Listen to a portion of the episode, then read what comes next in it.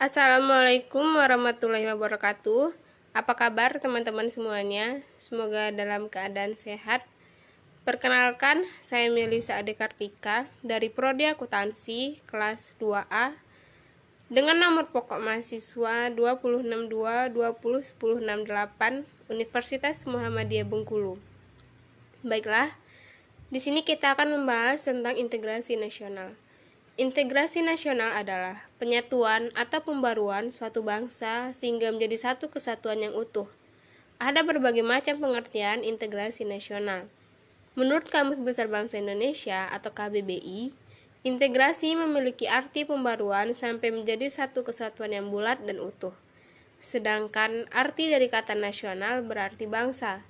Jadi, integrasi nasional adalah proses persatuan wilayah yang di dalamnya terdapat sebuah perbedaan. Jika dilihat dalam makna politis, integrasi nasional adalah sebuah penyatuan berbagai kelompok sosial dan budaya ke dalam kesatuan wilayah nasional yang akan membentuk sebuah identitas nasional.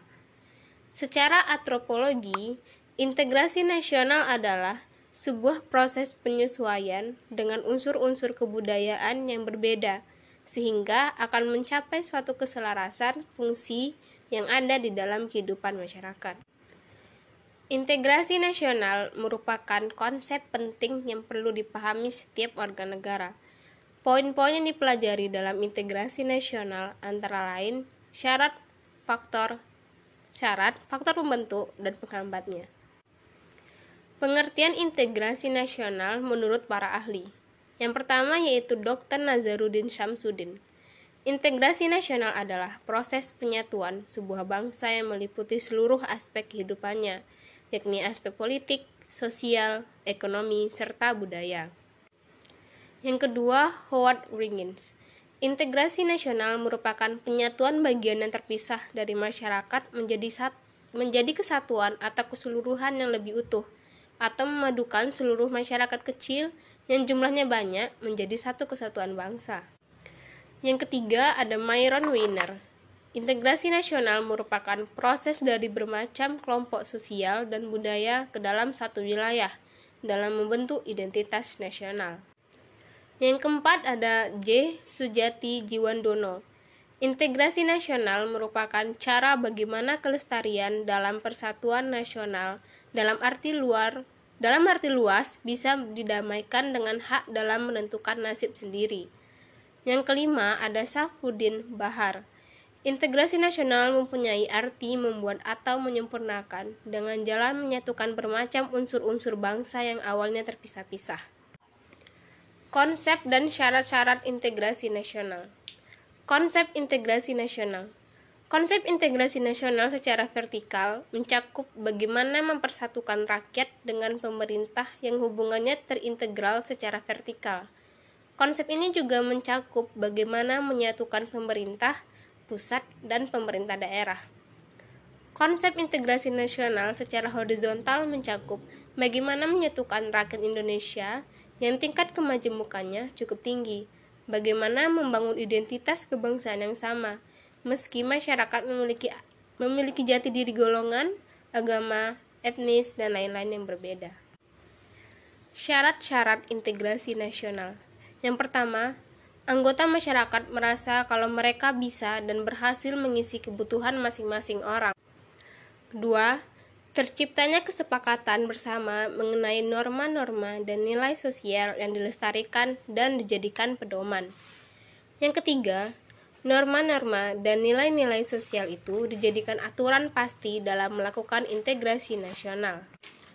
Faktor-faktor pembentuk integrasi nasional. Yang pertama, perasaan senasib dan seperjuangan.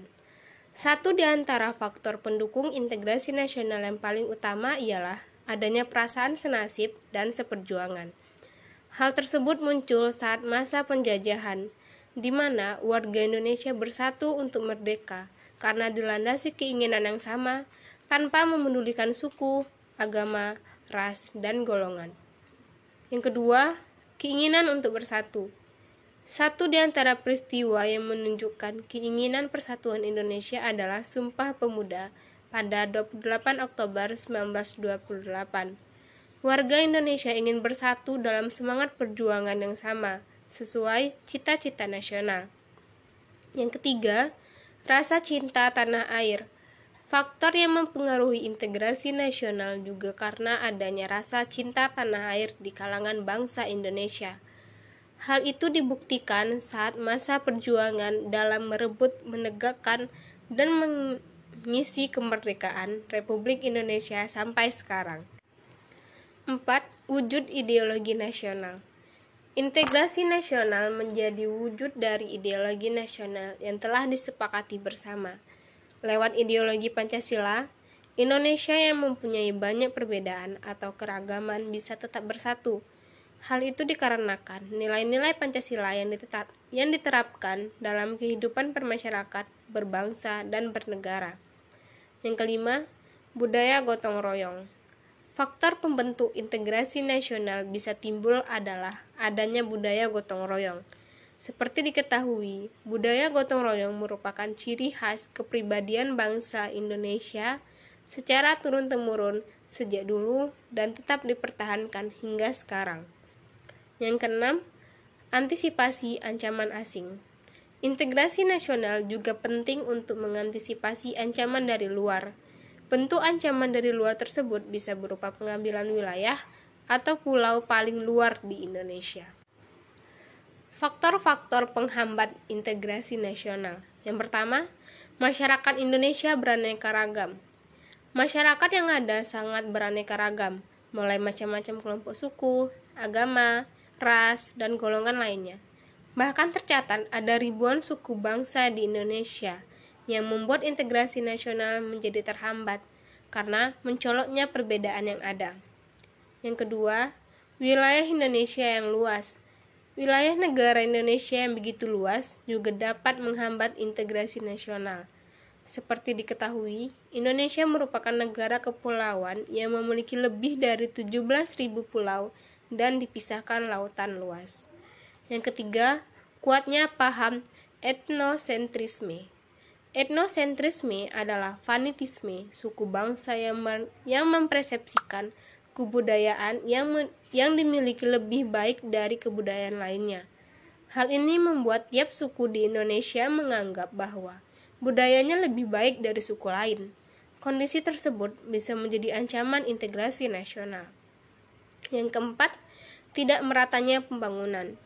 Dengan wilayah Indonesia yang begitu luas, tantangan dalam melakukan integrasi nasional ialah adanya ketimpangan pembangunan. Daerah di Pulau Jawa dan Indonesia bagian barat mungkin cenderung lebih maju pembangunannya daripada wilayah Indonesia Timur. Hal tersebut dapat menimbulkan rasa tidak puas bagi sebagian pihak. Yang kelima, budaya asli mulai tergerus. Mulai tergerusnya budaya asli Indonesia juga bisa menghambat integrasi nasional. Lemahnya nilai-nilai budaya bangsa terjadi akibat kuatnya pengaruh budaya asing yang tidak sesuai dengan kepribadian bangsa, baik melewati kontak langsung maupun tidak langsung.